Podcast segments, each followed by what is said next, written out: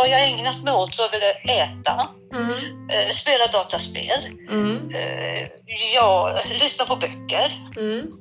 och rört mig så lite som möjligt. Mm. Långsamma promenader med hunden.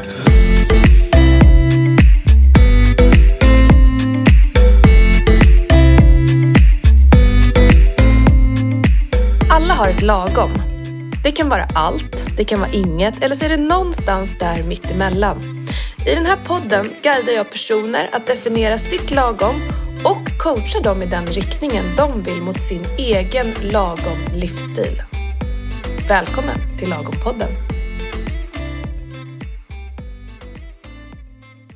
Ni som har följt Ann-Kristin ett tag vet ju att hon eh, kom till mig i slutet på september förra året med en önskan om att eh, gå ner i vikt, få mer energi och och eh, komma igång med träning. Eh, hon tog sig an sin plan mot sitt mål om en dröm om att fjällvandra och känna sig stark eh, i sommar då vid en sån här vandring. Och vi satte en del liksom actions på vägen dit och hon från början tog sig liksom an det här och började göra. Och när hon började göra så fick hon även väldigt bra resultat. Eh, hon kände att hon kom närmare och närmare målet och hon var energisk och hade bra med energi och liksom flowet var uppe. Eh, träningen blev liksom en ny del av hennes vardag och så vidare. Och det är ju precis så här som en känsla kan vara när man börjar en positiv beteendeförändring. Och när man pratar om förändring så brukar man beskriva någonting som heter så här trappan där man liksom ser det hela i eh, olika steg. Där man står längst ner på trappan av en förändring eh, som man brukar kalla för så här omedvetande. Alltså man har inte ens kommit fram till att man vill göra en förändring. Det behövs helt enkelt inte, är känslan.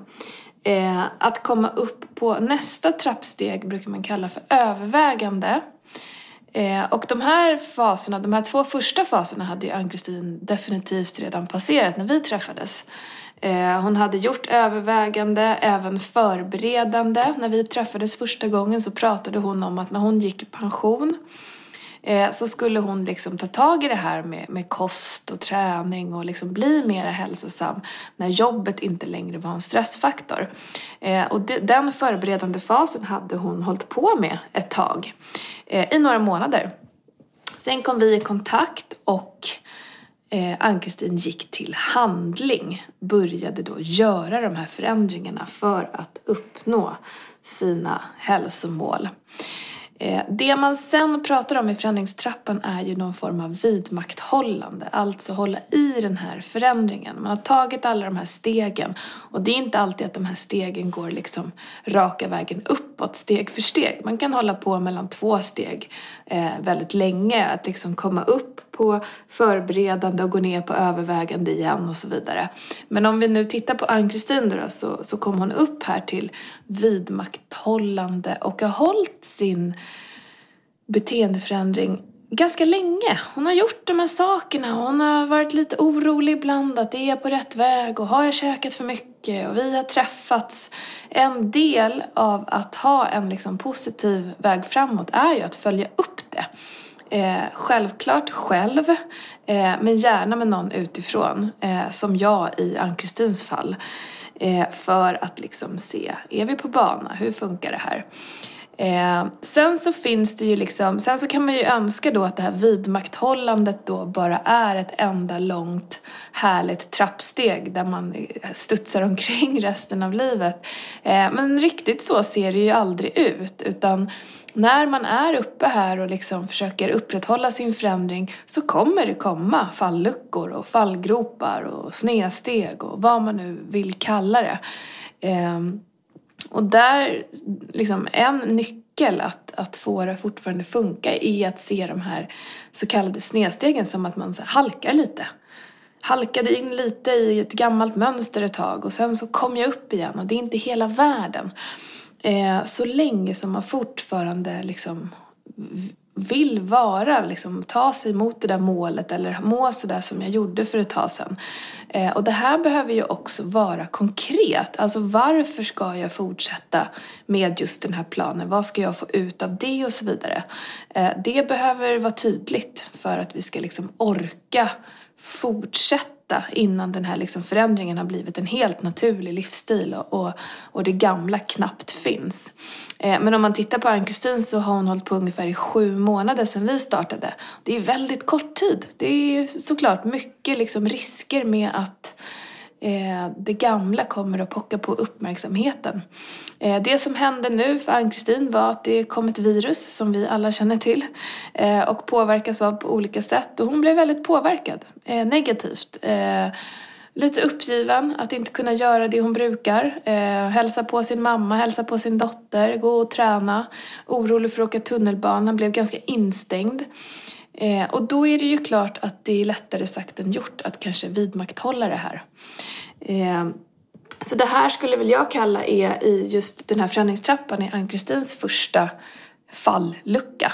Eh, där hon eh, nu har fallit ner lite grann, eh, återtagit en del gamla beteenden som hon egentligen inte vill ha.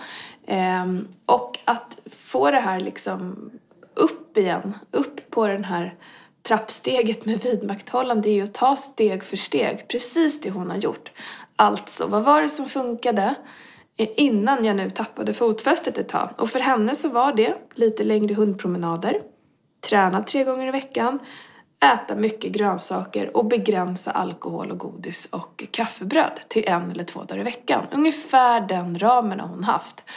Ehm, och där har hon nu tagit de här små stegen. Hon har kommit ut igen på hundpromenad, tränat med mig eh, digitalt och även med någon annan kvinna på, på TV. Ehm, och köpt frukt. Så här, börja någonstans. Allting behöver, kommer inte sitta dag ett. Ehm, och det är väl inte heller så det ska vara. Men, men hon är nu liksom på väg uppåt. Så att jag vet att många känner igen sig i det här. Och något som är lätt att fastna i är övergeneralisering. Alltså tänka, det gick inte den här gången heller. För oftast är det folk, eh, eller folk, oftast så tänker man att man har, man har prövat tidigare, något nå liknande liksom. Eh, och nu så blev det så här igen.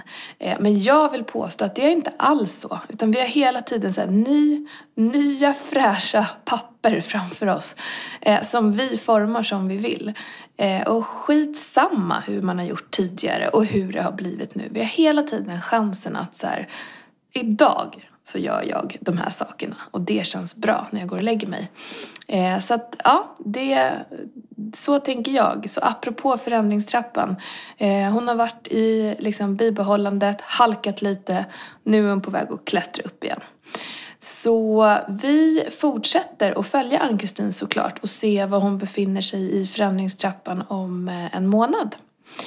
Det är i alla fall jag nyfiken på att få veta mer. Hur tänker du kring förändring? Har du någon förändring som du har gjort så här enkelt och, och smärtfritt? Eh, så dela gärna med dig om vad, vad som, varför det blev så enkelt. Eh, och motsatsen, har du gjort någon förändring och sen tappat det, eh, fallit ner i den här fallgropen och faktiskt inte riktigt orkat ta dig upp igen. Prata gärna i, i gruppen så kanske vi kan hjälpas åt och få nya perspektiv. Eh, tänk annorlunda helt enkelt, det är det allting handlar om. Tack för att du har lyssnat idag!